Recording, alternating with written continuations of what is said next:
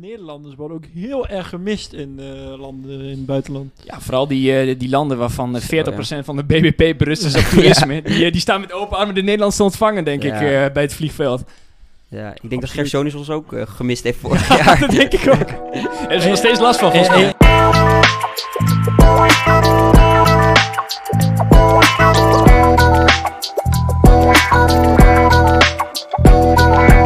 Hoi, dit is Dos Meer.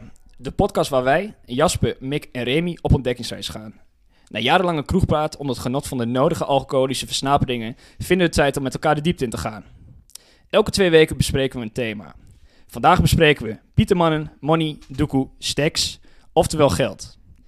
Nou, voordat we dat gaan doen, gaan we even terugkijken naar de vorige aflevering die we hadden. En de eerste vraag is daarbij natuurlijk, hebben we nog reacties gekregen? Ja, ik heb wel eh reacties best wel veel ook. ehm. Ik had gewoon op mijn Facebook wat gezet en ik kreeg heel veel appjes van mensen, ook die ik heel lang niet gesproken heb. Ja, sowieso, van, we kregen in onze Insta-DM kregen we best wel veel, eh, we werden wel een beetje geslaaid.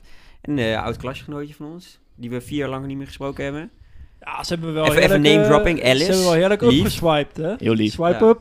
Nou, ik vond oprecht, Alice, als je luistert, ik vond het echt een heel lief bericht. Ja, echt maar eh, super tof. Bedankt, voor- eh, voor de rest- Alice. ja, voor de rest ook wel kritiek natuurlijk, of een beetje commentaar om ons beter te maken. Ja, was het natuurlijk onze eerste podcast, dus... Ja, op eh, zich, ik denk niet dat we het als kritiek moeten zien, maar gewoon als feedback. en hebben- dat, ja. En en het dat waren ook, we ook echt eh, ja, gewoon, gewoon blijven sturen. Daar leren we alleen maar van. precies, en het waren ook echt actiepunten. Het was niet zeg maar van losstaande kritiek, we konden ook echt wat meer doen. En daar hebben we ook eh, lang aan gezeten natuurlijk. Ja, even- Met elkaar overlegd van hoe kunnen we dat deze keer beter doen. En eh, hopelijk horen de mensen dat terug. ik hoop het wel, ja. Nou, als graadmeter voor de podcast hebben we nu Kai Gorgels. En de vraag die daarbij hoort is natuurlijk, zijn we Kai Gorgels al voorbij op de Spotify-lijst? Ja, ik weet niet of we dit echt als graadmeter moeten gebruiken of Absoluut podcast wel, zeker succesvol wel. is.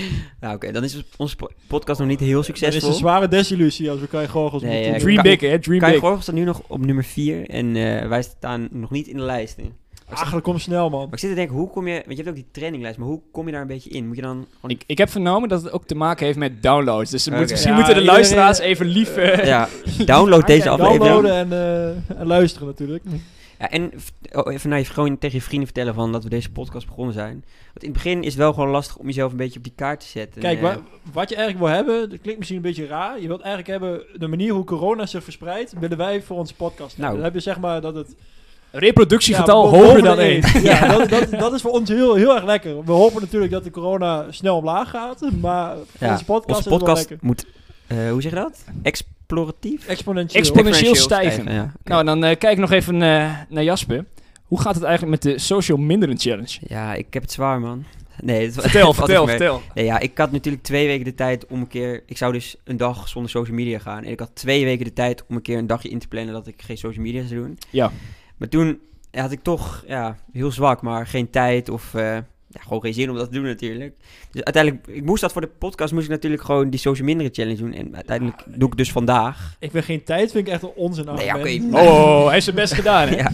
Nou, ik zit nu, want ik heb dus eh, sinds 12 uur s'nachts, heb ik voor het laatst gekeken, dus vanochtend ook niet Ja, dat is gekeken. wel knap. Nou, het is niet knap, maar het is in de ochtend zo, toch wel een routine voor mij om gewoon die socials even te checken, kijken wat er gebeurt en zo. Dus ja, ik heb niet zwaar, maar het is ook niet dat ik ehm, heel erg de voordelen of zo de, de- van ervaar. Maar is het voor herhaling vatbaar?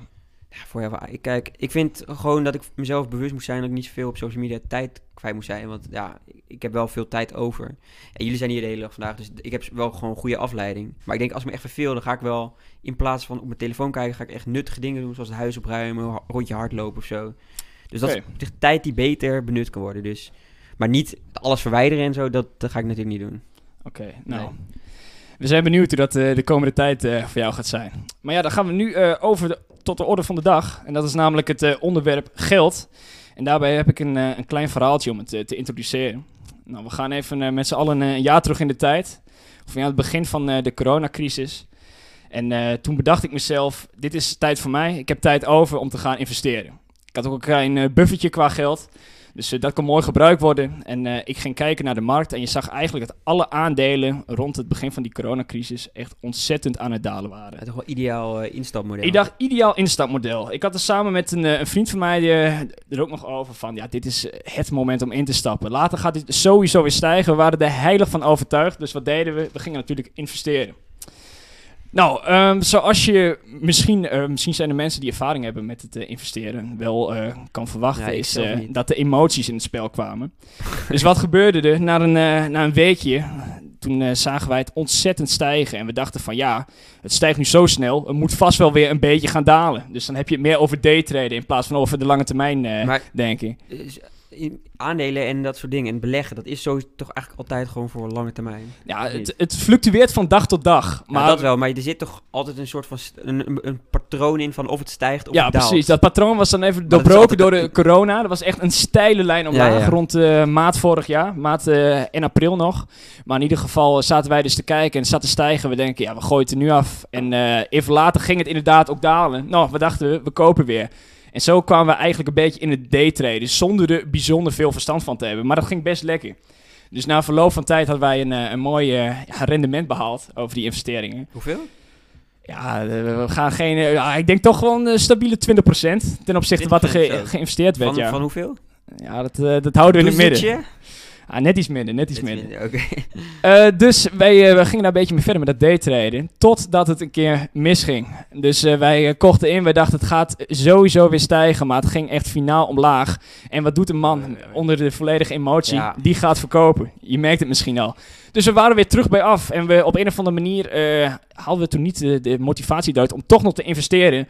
Ondanks dat we herhaaldelijk hadden gezegd van ja, later gaat het sowieso stijgen. En wat zul je zien? We kijken nu terug, later. 400% Oei, oei, eh, rendement anders behaald. Het is ook gewoon echt fucking saai om dat de hele dag te doen. Je hebt gewoon letterlijk mensen die gewoon de hele dag de beurs in de gaten houden. Ik kan er echt bij mijn kop niet bij, Ja. wat, er- wat er leuk aan is. Maar Mick, wist jij wel waar je in investeerde dan? Had je wel een beetje informatie erover of niet? Ja, eh, ik, kan wel vertellen waar, eh, waarin geïnvesteerd werd. Er werd voornamelijk geïnvesteerd in, eh, in de olie. In de olie. En de olie, ja, je, je merkt dus eh, tijdens eh, of het begin van de corona, alles viel stil. Dus er was veel minder olie nodig. En je merkte er al gauw, eh, naast dat de aandelen van grote bedrijven bijvoorbeeld daalden, daalde ook de olie. Tot op een zekere moment dat het weer ging stijgen. Maar toen ging het dus heel vaak stijgen en dalen in de loop van de dag. De marktprijs die kon zich niet echt stagneren of een bepaalde waarde aan, aanhechten. Dus ja, wat gebeurde er? Heel veel stijgingen en dalingen. Maar uiteindelijk heeft het een flinke stijging weer Zo, ja. ingezet. Pijnlijk, een aardige klappen misgelopen, ja. Jazeker. Ja, nee, dat, je had nu wel gewoon rijk kunnen zijn. Ik had Dan een... had je eh, deze podcast niet nodig. Nee, Eh, zeker. Er was Ja, eh, dat deze zomer, als het kan, eh, gratis op vakantie Dat gekund. je, dat je Seven Alias een boef kunnen, kunnen boeken, slapend rijk. Ja, inderdaad. Maar goed, eh, voldoende over mij. Ik heb voor eh, jullie namelijk nog even een eh, quizvraag. We gaan het namelijk zo even hebben eh, over hoe het nou is om eh, met je geld om te gaan. Voornamelijk ook als student. En de vraag die erbij hoort is eigenlijk... hoeveel procent van de studenten had voor... dus eh, voordat de horeca bijvoorbeeld allemaal dichtgaan... dus voor corona, echt net ervoor was het afgenomen... zeg maar begin Ja. 2020... hoeveel procent had daarvan een bijbaan? Ehm, ik denk eh, wel heel veel. Ik denk 80%. Kijk even naar links, Remy. 65. Nou, Jasper zit er dichterbij. 85%, van de nou. studenten had destijds een bijbaan. Dus Dat natuurlijk in de loop van het jaar is dat een beetje verminderd... doordat bepaalde sectoren geen werk meer hadden. Ja, vooral de horeca dan. Precies. Hopelijk dat dat eh, de komende tijd weer erg gaat aanwakkeren. Maar 85%. Maar vind je dat verbazingwekkend dan? Ik vind, je moet gewoon als student voor jezelf zorgen. Nee, ik, vind- ik vind het zeker niet verbazingwekkend. Ik vind het juist eh, goed om te zien. dat heel blijkbaar goed, veel positief. studenten bewust zijn van het feit dat het ook eh, verstandig is om wat bij te verdienen. In plaats Ja. van alleen te lenen, waar we het zo ook over gaan hebben. Het is alleen niet alleen geldtechnisch. Op werk, of achter een bijbaantje, leer je ook gewoon veel. Je, je leert je soort van verantwoordelijkheidsgevoel. Je moet gewoon op tijd komen, afspraken nakomen. Dus dat is eh, alleen maar goed. Ja ik, ja, ik denk dat heel veel studenten ook gewoon daarop van op de hoogte zijn. Van, ja, ik, ik doe het, ik, het meeste doen het gewoon om rond te komen. Maar ik denk wat jij zegt, eh, Remy, van, ja, dat je soort van dat verantwoordelijkheidsgevoel. En ja, dat leer je ook wel gewoon bij een baantje. Wat je niet op absoluut. school Het leert. is wel als jij, eh, stel je voor je komt op school niet opdagen, dat is dan minder erg dan als jij op je werk niet komt opdagen. Nee. Dat heeft dan meer gevolgen. Mhm, absoluut. Maar dan gaan we het even op, eh, ja, op vroeger betrekken. Vroeger zag je natuurlijk veel vaker toen de, de basisbeurs er nog wat, dat je eh, tienjarige studiejubileum had. Dat betekent dus dat iemand tien jaar over een bepaalde studie deed, maar desalniettemin niet een bijzonder eh, lening op had gebouwd, omdat de basisbeurs toen nog... eh, Dat wil ik nou echt een keer meemaken. Een Ja. tienjarige studie, Ja. dat lijkt me zo fantastisch. Ja, dan heb je ja, gewoon een generatie van iemand die kent al tien jaar lang verschillende mensen. Dan heb je gewoon tien jaar leeftijdsverschil op zo'n feestje waarschijnlijk. Dat is toch Ja, fantastisch? je, je kunt je er bijna niks bij voorstellen. Moet je nagaan, wij zijn dan eh, allemaal een beetje rond onze 18e begonnen met studeren. Maar dat we op onze 28e nog bezig, nog bezig zijn met de huidige studie. Ja. Ik kan het me niet inbeelden. Ik ook niet, nee. Maar Hoewel, het lijkt me ook wel weer chill, hoor. meerdere keren gehad met UT. Maar ja, ik, ik snap wel wat je punt wil maken. Is dat nu gebeurt dat niet meer omdat je natuurlijk die basisbeurs weg is. Precies. Studenten die moeten nu alles gaan bijlenen. Stel je voor, vroeger had je bijvoorbeeld die basisbeurs van 400, 500 per maand. Ja. Als je thuiswonend was, uitwonend was dat zelfs nog hoger. Dat vangt toch wel een groot gedeelte van de kosten op die je maakt elke maand. ja, ik moet zeggen, ik vind aan de ene kant eh, snap ik het dat die basisbeurs daardoor een slechte prikkel is. Maar ik zit ook te denken van jongeren die kiezen bijvoorbeeld een studie. En stel dat die studie die ze kiezen vinden ze helemaal niks. Maar ze zitten al twee jaar die studie eh, te doen. Het is niet te betalen. Of ja, over het algemeen het is gewoon fucking Ik duur. las Om dan daar- daarna gewoon weer een nieuwe studie te Ik doen. las daar een artikel over op het AD. Er was een, mei, een vrouw van 23. Die had eh, twee studies gedaan die ze niks aanvond. Had op kamers gewoon. Die heeft nu een schuld op van 60.000 euro. Jezus. Niet Ja. te geloven. Maar kijk, bizar, maar dat, dat kun- dus je kan eigenlijk, het is moeilijk te permitteren om nu gewoon een andere studie te kiezen. Als je, het- vroeger kan dat veel makkelijker. Dan, en Ja, dat vind ik wel een kwalijke wat, zaak wat, daar. wat het lastig, kijk, bijvoorbeeld op je eerste jaar, als je dan bijvoorbeeld, heb ik ook gedaan, voor mijn studie niks, toen ben ik na twee, drie maanden gestopt. Dan valt nog wel mee hoeveel het kost. nee, wat is daar, ja, meer- precies. Het probleem is, als ik ook om me heen kijk, bijvoorbeeld als ik dan naar mijn zus kijk, die heeft een eh, opleiding afgerond, die is toen niks aan, toen al twijfelde in het derde jaar. Dan denk ik toch van ja, ik ga het toch afmaken. Dus ze heeft het nu afgemaakt en doet nu weer een extra studie, omdat ze het oude toch niet leuk vond. Mhm. Maar ze werkt daarnaast nog wel, hè? Ja, ze werkt dus dat, nog dat wel. kan ze, nu kan ze zichzelf wel eens Precies, ze heeft tenminste inkomsten. Ja, ik, had een, eh, ik heb een, eh, een tijdje bij de, bij de Albertijn gewerkt. En daar had ik een eh, collega die ook een studie had afgerond. Maar dat is helemaal stuurde. Hij had zijn studie afgerond, maar kon er niks mee. Niet omdat hij het niet leuk vond wat hij deed, maar omdat het werk wat hij deed geautomatiseerd was. Oh, Dat is oh, kut. dus hij heeft dat vier, vijf jaar bekommerd over een studie. Is die klaar, kan hij er helemaal niks mee. Oh, dat is, dat is gewoon echt geld in de fik steken, is dat. Precies, want dat Oei, is waar we nu oei. naar willen kijken. Van ja, wat kun je dan eh, laten bijvoorbeeld niet met een studieschuld? Nou, een van die dingen die we vandaag willen bespreken is of het voor eh, jongeren, in dit geval ook studenten, wel mogelijk is om later met de studieschuld een huis te kunnen kopen. Ja, Ik denk dat het echt heel delicaat wordt. Helemaal als je nu al kijkt hoe fucking moeilijk het is voor mensen die nog niet eens... Mensen die nog niet eens, zeg maar, eh, die lening hebben gehad. Die, hoe moeilijk het nu al is op de huizenmarkt om een woning te krijgen. Dat is echt absurd. het is, dat is wel bizar inderdaad. En, eh, maar ik weet toevallig wel, volgens mij zijn er wel van die trucjes om een beetje...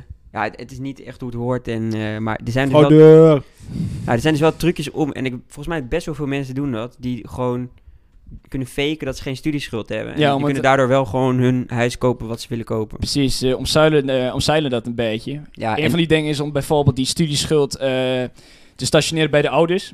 Dus dan komt die op naam van de ouders te staan die toch al een hypotheek hebben. Dus Ja. die, die kunnen ze moeilijk uit het huis zetten, waardoor zij zelf die hypotheek wel aan kunnen, eh, aan kunnen gaan. Maar, En aan de, aan de ouders afbetalen. maar gaat dat niet een heel groot probleem worden? Bijvoorbeeld in Amerika, de bankencrisis in 2007 is begonnen omdat mensen eigenlijk in huizen wonen dat ze niet konden betalen. Dus stel je voor, je hebt die studieschulden Maar, bij je ouders staan en je moet je ouders toch betalen. En op een Maar die- gegeven die op een gegeven studieschuld kun je heel lang eh, laten staan. nee, dat snap ik. Maar op een gegeven moment eh, heb je een tegens- tegenslag, raak je je baan kwijt, word Maar je ziek. ja, ik- Dan, je, kan- wil, je wil wel een, een, een woning, je wilt ook willen blijven wonen, ongeacht alles. Ja, Ja. dat wil je graag. Ik wat je bedoelt, maar er, er zit geen rente over die lening in principe. Dus ik, eh, kijk, het is wel een risico wat je zelf neemt door niet te zeggen dat je die schulden hebt. Dat is je eigen risico wat je neemt. Maar toch denk ik dat dat ja, wel de manier is om toch eh, een huis te kopen. Maar hoe is Maar jouw kijk bijvoorbeeld op die, op die schuldenjas, om dat even aan te kaarten? Vind jij het Ja. fair dat er nu er geen basisbeurs meer is? Maar Ik, ik vind het toch niet een eh, goed idee, eerlijk gezegd, dat er nu geen eh, basis... of dat, dat er nu een leenstelsel is. Want jongeren raken nu... Je ziet heel veel jongeren die in de schulden raken. Je begint gewoon je leven met schulden. Hoe, ja, ik, ik snap het is nodig en je verdient het later wel weer terug. Maar je, je begint eigenlijk ook wel een beetje 1-0 achter eh, Mhm. als je begint met lenen. En kijk, ja, het is wel zo, je moet het geld echt wel voor de goede dingen gebruiken. Maar ik woon bijvoorbeeld, ik studeer in Utrecht, ik kom oorspronkelijk uit Hengelo, mijn ouders wonen in Hengelo. Ik heb geen zin om van Hengelo naar Utrecht te gaan, elke keer heen en weer. Nou, met online Snap ik, onderwijs ja. maakt niet uit, maar Ik vind wel dat er een... Ik snap ik wel nu- dat... En, ja, ik heb nu een huis van, eh, of ik heb een huur van 560 euro in de maand. En dat is gewoon, ja, dan moet ik wel gewoon lenen, anders kom ik gewoon nooit rond. Dat snap ik. Maar ik vind wel... Kijk, je hoort ook heel veel... Je leest heel veel politi- politieke partijen eh, hebben het ook over dat de basisbeurs moet terugkomen. Maar ik vind er moet ook wel een prikkel zijn om te studeren, om iets te gaan doen. Je kan, je kan het prestatie afhankelijk maken. Je moet binnen vijf jaar eh, of binnen zes jaar moet je een opleiding hebben afgerond, anders moet je dat Mm. allemaal dat terugbetalen. doen ze bijvoorbeeld al bij het reis, eh, reisproduct. Ja, precies. Dus dat zou wel kunnen. Ja, dat zou, dat zou inderdaad een optie Dus dan zijn. heb je Of- toch een prikkel van je moet binnen zoveel tijd moet je je studie eh, gefixt hebben. Maar je hebt wel het geld wat je krijgt en dus niet die onwijze schulden eh, waar je uiteindelijk mee zit. De leenstelsel is op zich voor de eh, studenten ook wel een ontzettende prikkel of ook een uitdaging voor eh, de financiële bewustzijn. Als ik bijvoorbeeld bij mezelf of naar mezelf kijk, ben ik eh, best wel vaak bezig om uit te rekenen, bijvoorbeeld over de lange termijn van stel ik rond mijn studie binnen zoveel jaar nu af, dan kan ik nog zoveel lenen en dan weet ik wat ik binnen drie of vijf jaar per maand moet terugbetalen. Maar heb jij een max wat je wil gaan lenen over je studietijd? Ik heb een max wat ik bijvoorbeeld in een eh, tijd van drie à vijf jaar wil terugbetalen. En daar ga ik niet overheen. En En dan heb je één een beetje een beeld van wat voor bedrag? Of als je het niet wil zeggen, dan moet je dat zeggen. maar- Nou, eh, het zou zelfs over drie jaar niets eh gekker zijn dan 500 euro per maand. In drie jaar dan afbetalen. Oh, En wat zit je dan totaal? Dan zit je totaal 500, rond, de, 500. rond de 18.000 euro ongeveer. Ja, ik, 18.000, ik, 20.000 ik oog hopelijk nog op wat minder. Mede ook omdat we waar we al mee begonnen met de quizvraag, dat bijbaantje die ik er natuurlijk ja. nog bij heb. Maar eh, ja, die bewustwording is wel heel belangrijk, denk ik. Ik denk dat eh, sommigen misschien toch dat- iets te nonchalant met het iedereen, zijn. ik denk niet dat iedereen daar heel bewust van is. Ik denk, bij de, ik denk heel weinig mensen. Ik moet zeggen, ik zelf ook wel eh, veel minder dan jij. En mijn vader probeert me er altijd heel erg op te hameren van. En dan ga ik er ook wel echt over nadenken. En, Het is eigenlijk ook gewoon, wat nu te weinig denk ik nog gezien Maar als lening. ik- Want ik je, denk, ziet, ja. je ziet er ook in studentenhuizen, want daar had ik ook over gelezen, dat er werd gevraagd in een studentenhuis, voor mij was het in Leiden, en er werd gevraagd van hoeveel schuld heb jij? Bijna niemand wist het. Ze- Ik zou het ook niet precies weten. Ja, maar misschien durven ze het niet onder ogen te komen. Nee, hè? nee, Dat maar is- dat is het dus ook. Dat stond ik in het artikel. Dat mensen gewoon bang zijn om, om, om duo te openen. Ja. Ja. En om een jongeren, jongeren kijken denk, denk alleen maar aan op korte termijn het, het geluk wat je ervaart. En dat en ken ik zelf ook wel. Elke keer, oh ja, duo's binnen, fucking chill, eh, ik heb weer geld. Terwijl het wel Maar je denkt niet- is. Je denkt niet op lange termijn van, oh ja, die schulden die ik later heb, daar denk je niet aan. En wat je zegt, jongeren moeten wel eh, daarover nadenken. Zo. En Ze worden gedwongen om na te denken, maar dat gebeurt dus eigenlijk niet. En ik denk, ja, kijk, het is natuurlijk sowieso eh, van het individu is het de schuld. Dat je, je, moet, je moet er gewoon zelf, net zoals jij, mee bezig overheid zijn. boeit het helemaal niks. Omdat Maar, de, ja, maar de, o- het is toch ook wel met het systeem van... Ik, ik woon in een huis van eh, zoveel... Of waar, waar ik best wel veel huur voor moet betalen. En ik moet sowieso lenen, dus ik kom sowieso in de schulden. Dus. Mhm. Maar wil je dan een, eh een maxbedrag van wat je mag lenen van de overheid? Nou, ik heb wel met mijn vader een bepaald bedrag afgesproken van... Oké, dit is een beetje het bedrag waar we op zitten. Maxbedrag is er natuurlijk eh, sowieso al. Het is niet dat de geldkraan eh, zo Nee, hoog op nee, dat staan is dat het. tegen de plinten klotst in die studentenhuizen. Maar wat vinden jullie van... Ik vind dat als je, je mag bijna, voor mij was het maxbedrag 1058 of zo. Vind ik best een heel bedrag maandelijks hoor. is het zoveel? Volgens mij is het minder. Nee, voor mij is het 1058, Oké. heb ik laatst Door het, gelezen. verhogen, door het jaarlijks verhogen van het collegegeld kun je steeds meer lenen. Maar wat vinden jullie van het idee van eh, Jesse Klaver? Die eh, had dus een verkiezingsprogramma voor Ik vind GroenLinks. in essentie... Dat vind zal ik even zeggen, maar voor, voor de mensen die niet weten, ja, je wil gelijk losgaan. Maar hij wil voor iedere 18-jarige 10.000 euro geven. Ik vind in essentie vind ik het een mooi idee, maar wat ik dus net ook over had, je mist dan de prikkel. Je hebt dan, ik denk dat, eh, laat eh, hoorde ik in een podcast, de Cryptocast, die, die man die zei ook van, je hebt, de studenten missen dan de prikkel, dus ze gaan waarschijnlijk ook dure kleding voor kopen. En daarnaast is het ook gewoon oneerlijk, als jij uit een arm gezin komt en je krijgt dus 10.000 euro op je rekening, ja, dan, dan ga je ouders helpen. Dat Laat denk ook, ik wel. Maar ik denk dus wel dat jongeren, je krijgt in één keer als 18-jarige 10.000 euro op je rekening. Je gaat niet, het is zoveel geld. Je gaat niet in één keer allemaal fucking dure shit kopen. Als je een beetje verstandig bent, hou je dat apart en ga, en ga je dat gewoon gebruiken voor je studie. Ja, de- En ik denk dat je wordt gedwongen om dan, omdat je dan gelijk het geld krijgt, want net met lenen, je ziet pas achteraf wat de schulden zijn. Maar omdat je nu gelijk krijgt, ga je gelijk over nadenken van, nou, hoe kan ik slimmer met, met dit geld omgaan? ja, precies. Ja, natuurlijk was eh, die uitspraak van eh, de heer Klaver nogal eh, prematuur en daarnaast voorbarig en kon het ook niet van grote steun rekenen in de Kamer. Desalniettemin is het wel interessant om het uit te lichten. Mede ook omdat je dan gelijk bij die financiële bewustzijn komt van die studenten, of in dit geval 18-jarigen. Want wat je daar bijna zou denken is dat ze nog een soort ja, les moeten krijgen of introductie van hoe met geld om te gaan. Want ik denk dat die prikkel vanuit de middelbare school of het ROC of de HBO, WO wel een beetje mist. Vooral Ja. als je zo'n klap geld ineens Maar, ontvangt. ja, maar is een fonds of zo niet veel mooier? Dat bijvoorbeeld als je jonge starters zet of mensen die studeren die dan het bedrag krijgen, dat er een prestatie tegenover staat. Van stel je voor, je wilt graag als, eh, ik zeg maar wat, als op 18 jaar later, je hebt een fucking vet idee en je wil graag een bedrijf beginnen, dat je uit het fonds je kan laten zien van, hé, hey, ik je- ben serieus dat- bezig. Dat je dan krijgt, dat je het niet zomaar krijgt, maar dat je het gewoon krijgt, wordt je laten zien van, ik... eh, Dus je wil voorkomen dat mensen het echt gaan gebruiken voor, eh, voor andere dingen. ja, ik zou bullshit gewoon- vinden als mensen het gaan opmaken aan drank en aan... aan, aan Maar denk je echt dat veel mensen dat zouden ik doen? denk echt dat je daarop verkijkt. Ik zou, ja, ik zou het ik, ik kan me gewoon niet voorstellen als je 10.000 euro, dat is echt gewoon een prijs die je wint bij de, bij de postcode loterij. Weet Maar kijk maar hoe het daar gaat dan. Dan gaat Ja. het mensen die miljonair worden. Als je dan hoor je best vaak dat ze uiteindelijk bankroet worden. Waar geven ze het dan Ja. uit? Aan Hmm. feesten. Ja, ze moeten en- wel, ja, ze moeten wel gewoon echt. Je moet gewoon, als je zo'n bedrag krijgt, moet je toch beetje bewust zijn dat het heel veel geld is en dat je er gewoon slim mee om moet gaan. Zeker, Snelle maar voor de mensen die dat toch nog niet weten, een mooi bruggetje naar het volgende. Wat zou je bijvoorbeeld wel met die 10.000 euro gaan, eh, kunnen doen? Nou, we gaan eh, op dit moment gaan we even kijken naar wat je nou bijvoorbeeld met geld in de toekomst zou kunnen doen. Of wat wij, of als student zijn, jezelf ook later mee kunnen doen. En als eerste willen we graag de, de cryptocurrency aankaarten. En de vraag die daarbij eigenlijk bij hoort is... Zullen in de toekomst de reguliere betaalmiddelen verdwijnen en alleen nog maar cryptocurrency zijn? Ja, ik eh, weet het niet hoor. Want ik zie crypto, als ik er nu gewoon aan denk, zie ik het gewoon meer als een soort van gekke investering waar je heel veel geld in pompt. Hopelijk hopen dat je dan het geld meer waard wordt. En uiteindelijk dan op een gegeven moment het geld terughaalt en dan weer in euro's hebt. Ja, precies. Ja, een beetje als eh, achtergrondinformatie nog voor de luisteraars. Wij eh, praten op dit moment over eh, cryptocurrency, maar willen we daarbij wel even onderscheid maken tussen twee verschillende dingen. Dat is allereerst de bitcoin en daarnaast eigenlijk alle andere cryptocurrency. Die zien wij dan als altcoin, wat staat dan weer voor alternative coin. Ja. Dus dat onderscheid dat zullen wij zo even gaan maken. Maar dan kijk ik ook Wat naar naar Remy. Wat, oh, wat het verschil is? Ja? Eh, de, de bitcoin is zeg maar de, de grondlegger van de, de cryptocurrency. Dat is ook de eerste die in de, de markt actief was. En al die altcoins, dat is eigenlijk alle coins die je nu hebt.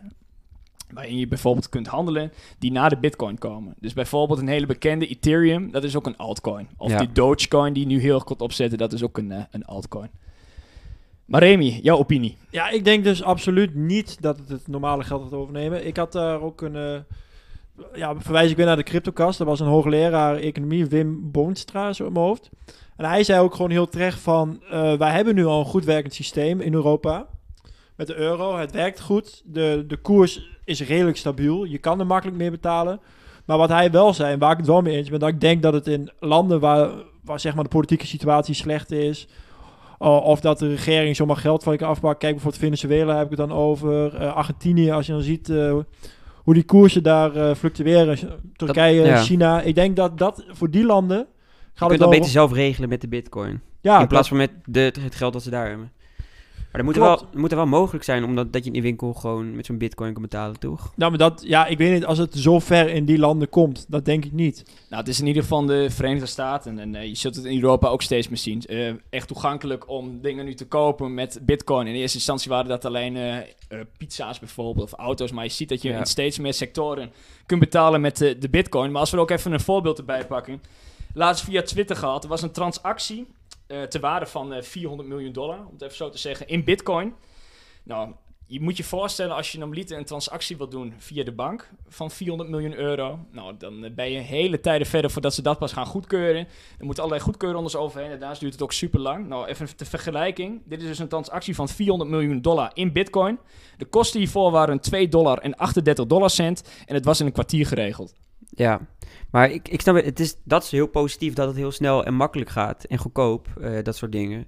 Maar ik zit ook te denken, is dat ook niet ook weer een beetje het gevaar ervan? Want Maakt is, het wel er is- fraudegevoelig, is- denk ja, ik. er is blijkbaar weinig controle over. Een bank controleert als iets ehm Ja, de, zo over groot bitcoin is geen controle, nee. Nee, dus bijvoorbeeld in criminaliteit is het bijvoorbeeld makkelijk om Het is wit in- te wassen in, in eh, principe, bitcoin. de bitcoin is ontstaan op het darknet, op, op het darknet, zeg maar, dingen te kopen. ja. Om niet getra torrent darknet, inderdaad. Om, om niet getraceerd te worden. Dus veel pedofielen gebruiken het om bijvoorbeeld kinderporno. Dat wordt nu, zou nu Ja, ook nog dat, gedaan dat is wel weer een eh, Het heftige is, zaak. wel, het is wel iets, het is eigenlijk ontstaan om niet te, te traceren. en belasting, eh, volgens mij is het ook heel makkelijk om belast, belasting te ontwijken. Ja, het is eh, eigenlijk als ideologie ont- ontstaan in eh, Azië als eigenlijk een, eh, ja, een tegengeluid tegen die centrale banken die toch heel veel macht krijgen.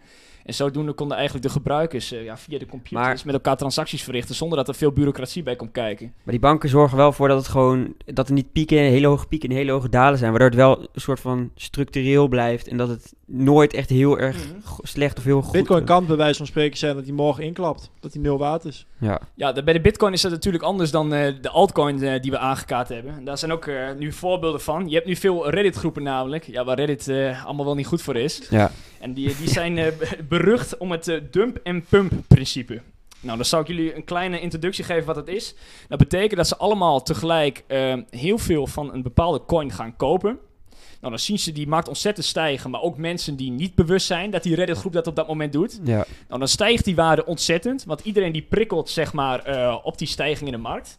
Nou, na een tijdje stuurt eh, de beheerder van die Reddit-pagina stuurt een bericht uit. We gaan het allemaal weer verkopen. En dan hebben ze een marge te pakken. Nou, wie zijn in dat geval de verliezers? Want die moeten Iedereen in die dit niet geval op ook Reddit zijn. zitten. Iedereen die niet op Reddit zit, eh, zit inderdaad, maar wel zag dat die koers aan het stijgen was. Ja, ik, dat vind ik dus wel, en dat is misschien meer bij die altcoins dan die eh, bitcoin wat je zegt. Maar ik heb, krijg een beetje dat gevoel van ehm The Wolf of Wall Street. Dat mensen worden een beetje voor de gek gehouden met die, die, die, die gekke altcoins.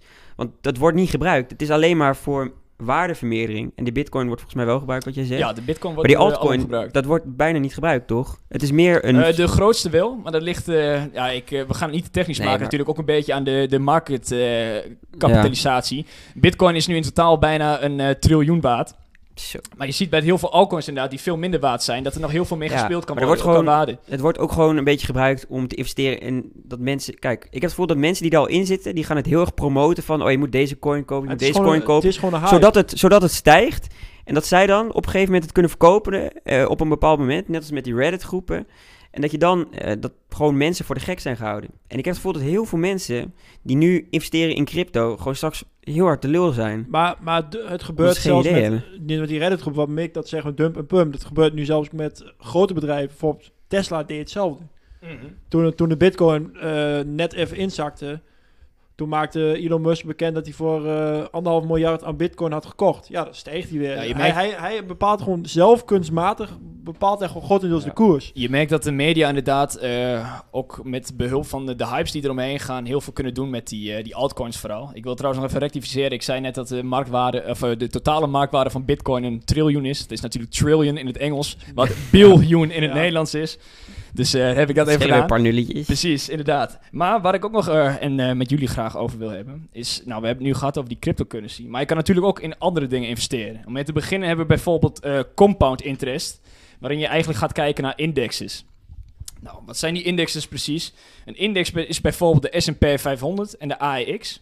Nou, dat is eigenlijk een bundeling van allerlei verschillende soorten bedrijven. Voor de S&P 500 is het bijvoorbeeld de grootste 500 bedrijven uit de Verenigde Staten. En die volgen een bepaalde lijn. Dus je bent heel erg aan het risico spreiden. Bijvoorbeeld Apple, die heeft een keer een slecht kwartaal gedraaid. Die vliegt omlaag.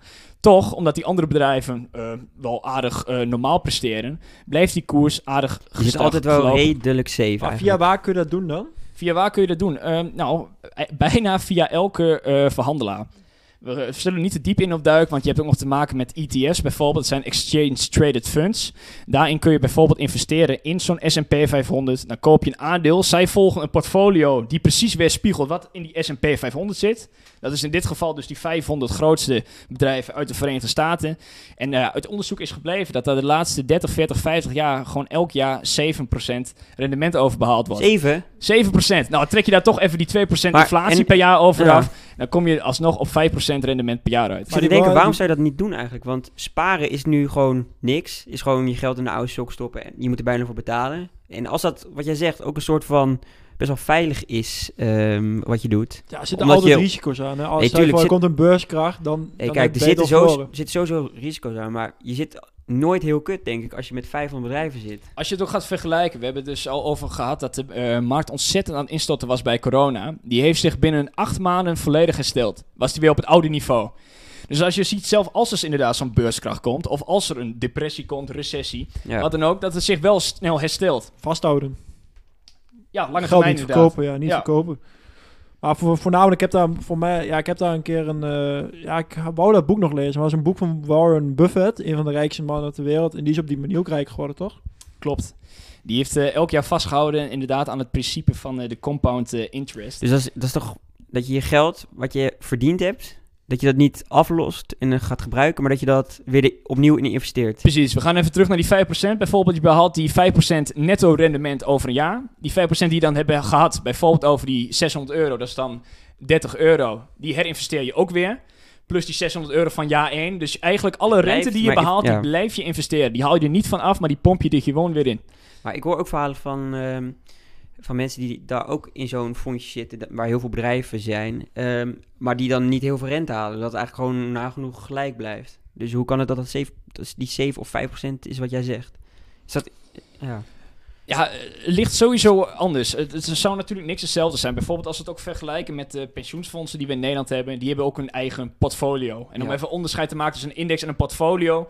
Een portfolio is niks anders dan een samenstelling van verschillende soorten aandelen. Nou, die indexen, dat is een bepaalde markttrend van die 500 grootste bedrijven. Die kan dus anders lopen dan eh, zo'n portfolio. Bij zo'n Ja. portfolio kunnen bijvoorbeeld ook commodities zitten, zoals eh, olie, tarwe enzovoort. Dus het zou net uit andere dingen bestaan dan die eh, S&P 500 in dit geval. Oké, dus die S&P 500 moet, die raad je aan eh, bij Ik deze. raad hem aan. Als mensen uiteindelijk de verlies opbehalen, Ja. kom niet bij Nee, mij terug. Ik herhaal, ik wil eh, het zeggen. advies. Ik herhaal, kom niet bij mij terug. Ik heb Je moet niet lekker- duidelijk ja. erin eh, gestudeerd. Je kan beter zeggen, lees je er even in. eh, Want, Lees je in. Altijd dat. sowieso heel belangrijk inderdaad om dat te doen. ja. Maar heb, Remy, heb jij wel eens eh, geld geïnvesteerd? Ja, ik eh, had, voordat ik mijn appartement had, investeerde ik 50 euro per maand Eh, waarin? In eh, aandelen. Weet je eh, welke, welke aandelen? Het was niet Eh, zo'n niet zo'n groep. Nee, eh, nee, zoals ik had het echt voornamelijk ook heel erg verspreid. Maar ik vind het voornamelijk interessant om in eh, duurzame bedrijven te investeren, omdat ik uiteindelijk denk dat het alleen maar gaat groeien. Maar kost dat niet veel tijd om, want wat Mick zegt, die, je leest even in zo'n eh, bedrijf wat heel veel eh, aandelen vertegenwoordigt. Maar is het niet lastig om dat voor jezelf helemaal te doen? Dat kost best wel tijd, toch? Of niet? Kijk, als je ziet dat de koers ietsjes daalt en je ziet die lange termijn trend van een jaar, dat die fluctueert en dat je uiteindelijk zie je hem weer stijgen, dan kun je er wel op gokken, zeg maar. Bij mij is het ook niet, ik zet 50 euro per maand. Het is ook niet een belachelijk groot Ja. bedrag. Het is niet, bij mij gaat het juist om, ik doe het waarschijnlijk een x aantal jaren. Een bepaald- percentage van mijn salaris, dus ik verdien vaak rond de drie- 300, 400 euro per maand. Dus dan is het dan een x procent van mijn salaris. En dat wil ik dan mijn hele leven gaan doen. Dus stel je voor, ik verdien straks 3, 4k. Dan probeer ik dat ook dat percentage van mijn salaris te doen. Maar heb je wel ehm, al een beetje mee verdiend dan, of niet?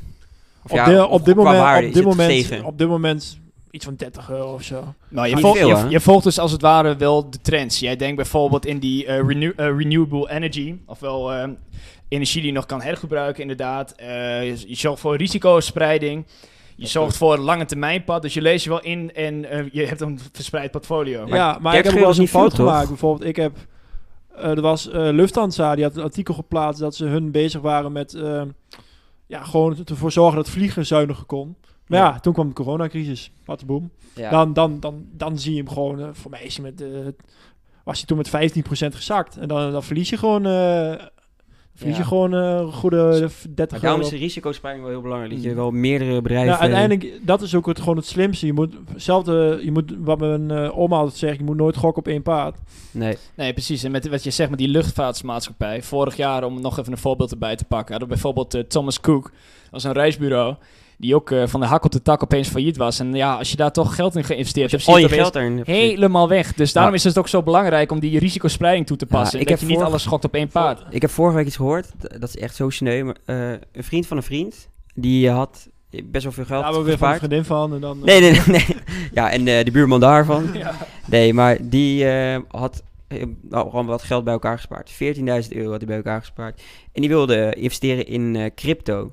Dus is op, op internet eh, is hij naar, wilde hij ja, investeren in crypto. Heeft dat ging een beetje googlen en zo. En heeft, uiteindelijk 14.000 euro eh, in crypto geïnvesteerd.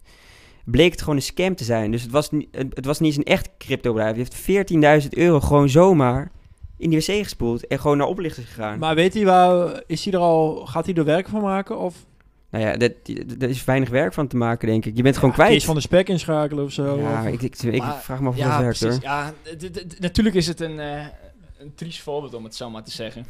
Ja, je- En daarom moet je ook bewust zijn van het feit dat er zoveel aanbieders zijn. ja. Lees je van tevoren goed in van, is dit een erkende, zijn er eerdere ervaringen mee? Maar ook gewoon waar je in investeert. Ik zou je echt... Ik zou gewoon dat hele bedrijf gewoon eigenlijk gewoon helemaal kennen. Dat je weet van, oké, dit gaan ze doen. En ik verwacht dat ze dit de komende jaren gaan doen. En je echt vertrouwen in hebben, ja. Ik, dat is toch wel belangrijk. Mhm. Wat je wel minder bij jou hebt. En uiteindelijk voor de mensen, eh, voor de gelukzoekers onder ons, het is uiteindelijk een spelletje van eh, risico en rendement. Ga jij een hoog risico aan, dan is de kans ook Ja. groot dat jij een hoog rendement kan behalen, maar aan de andere kant ook veel kan verliezen. Ja, Ga jij over de langere termijn, zoals we bijvoorbeeld aankondigden bij die compound interest, nou dan is weinig risico over het algemeen, maar dan zul je ook zien dat je minder rendement kan behalen. ja. Maar ik denk dat we sowieso even gewoon een disclaimer moeten doen van... Ja, gewoon het goed zelf controleren. Maar ik vind, ja, ja. ik, ik vind het wel grappig. Ik heb nog nooit echt geld overgehouden. Van, dan ga ik even investeren of zo. Ja, later wil ik dat natuurlijk wel doen. Als ik gewoon... Maar wat het dus juist is, later beter laat. Nee, maar ik bedoel gewoon... Start young. Ik, ik heb nu dus eh, studieschulden. eh, dus ja, ik kan wel gaan investeren, maar... Ja. Voelt niet lekker, juist, bedoel je? juist doen. Ja, of ik ga gewoon die volle lening even... eh, Heel dat duo leegtrekken om te investeren. Daar dat zijn is eh, niet een goeie, inderdaad. Gewoon, je, Ik je ken, trekt je eh, lening leeg en gaat er volop van, eh, investeren. Ik heb wel eens artikelen ge- gelezen van eh, economiestudenten die dat deden. ja, dat is ja, misschien wel goeie. Kijk, Die hebben er echt verstand van. Eh, Het, het klinkt goed, maar het wordt natuurlijk niet aanbevolen. Zoals Remy al eerder aankondigde. Je zou maar net al dat geld in hebben Ja, en je ja, bent klaar met je studie. En op dat moment is er zo'n beurskracht of een depressie, recessie, Ja, iets in die richting. Je ziet je geld gewoon, ja, eh, Er met zijn, altijd, er zijn altijd risico's. Tuurlijk, dat het is- moet je altijd... eh, dan moet je zeker als je, je, geld moet, investeert... je moet in, ieder geval, in principe nooit geld beleggen.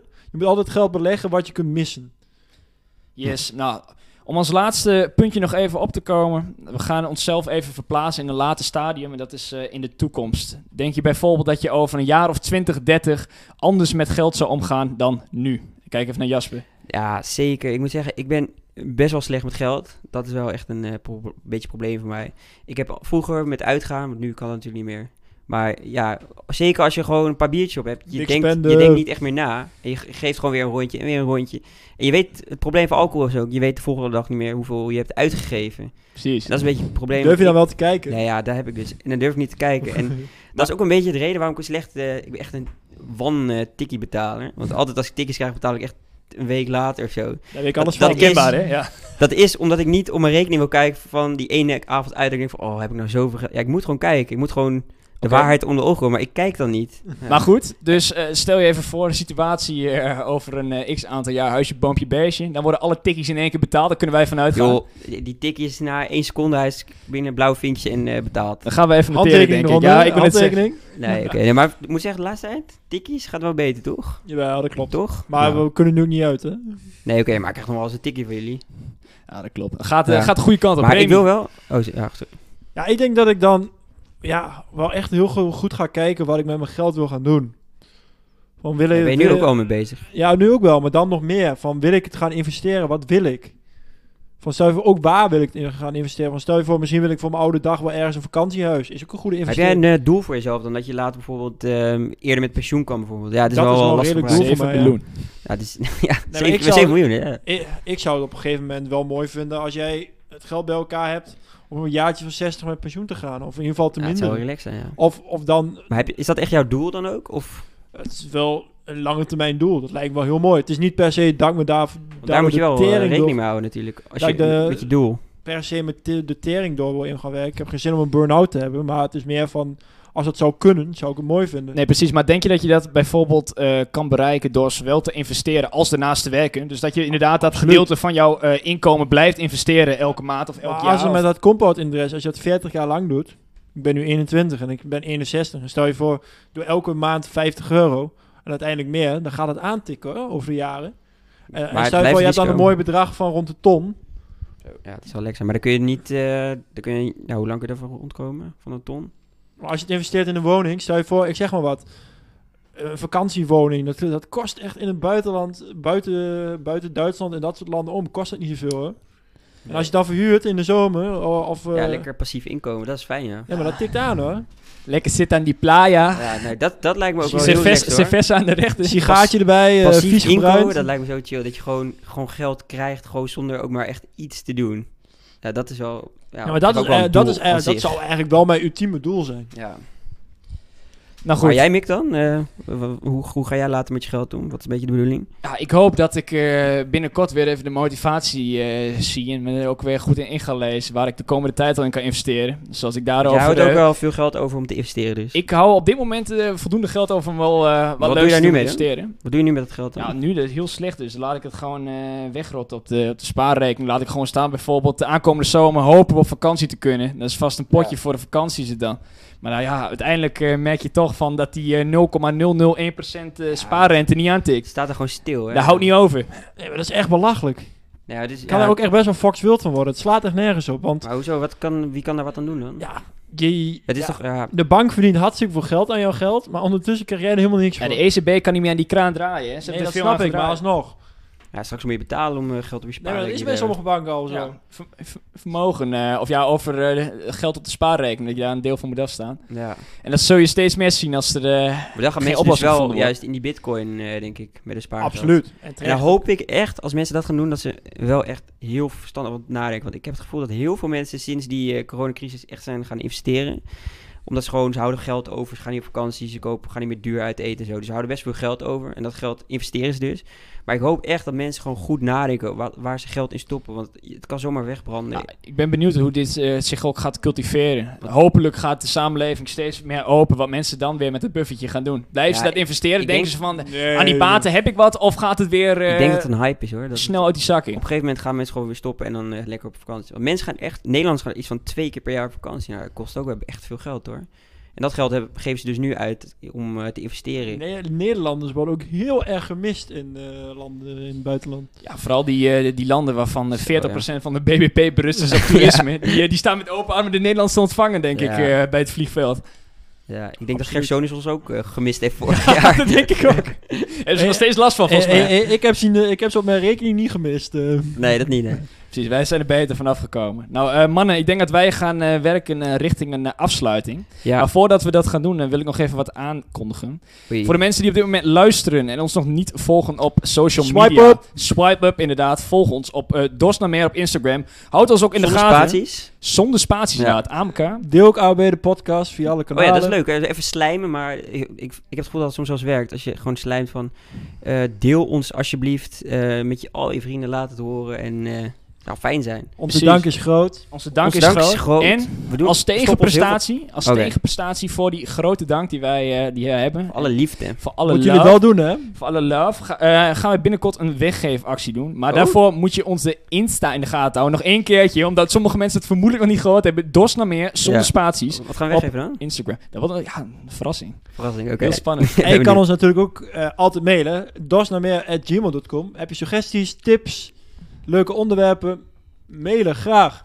En als eh, afsluiting van deze podcast hebben wij wederom weer een mooie spreuk. Geld krijgt pas een werkelijke waarde als je wat mee doet. Dus laat het lekker rollen.